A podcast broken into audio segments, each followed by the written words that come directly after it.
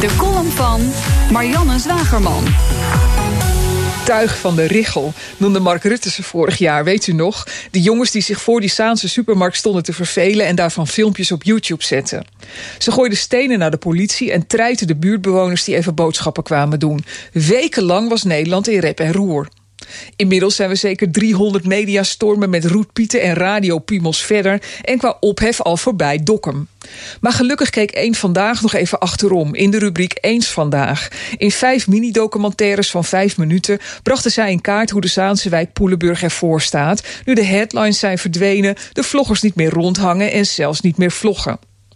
Verslaggever Harm van Atteveld sprak een wethouder, een schoolhoofd, juffen en buurtbewoners.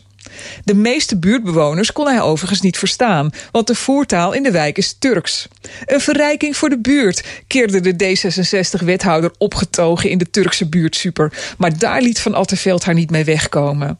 Hij wilde weten of ze al die tijd had weggekeken, nadat ze zelf toegaf dat de politiek de wijk te lang op zijn beloop had gelaten, omdat ze gewoon niet wisten wat er gebeurde. Ze schrokken wakker door de filmpjes van de tuigvlogger en kropen toen pas het stadhuis uit om eens rond te kijken in de wijk. Dat is toch God geklaagd, viel de een vandaag verslaggever even uit zijn neutrale rol. Het gesprek op de basisschool was helemaal ontluisterend. De mediastorm was vorig jaar een beetje aan de schoolleiding voorbij gegaan, want die hadden de handen vol aan de toestroom van Turkse kinderen, die als gevolg van de koepoging in Turkije hals over kop van Gulen-scholen werden gehaald. Het grootste deel van die kinderen spreekt geen Nederlands en 30% groeit op onder de armoedegrens. Sinds de treitervlogger kijkt de gemeente ineens naar de school om. Er is nu wel geld om de ouders taalonderwijs te geven, zodat onderwijzers met ze kunnen communiceren.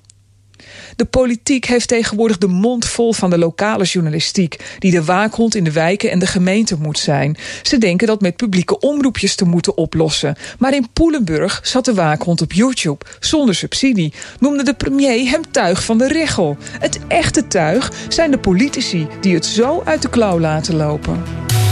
En dat is Marianne Zwagerman, onze columnist op dinsdag. En u kunt haar column terugluisteren op bnr.nl en in de BNR-app.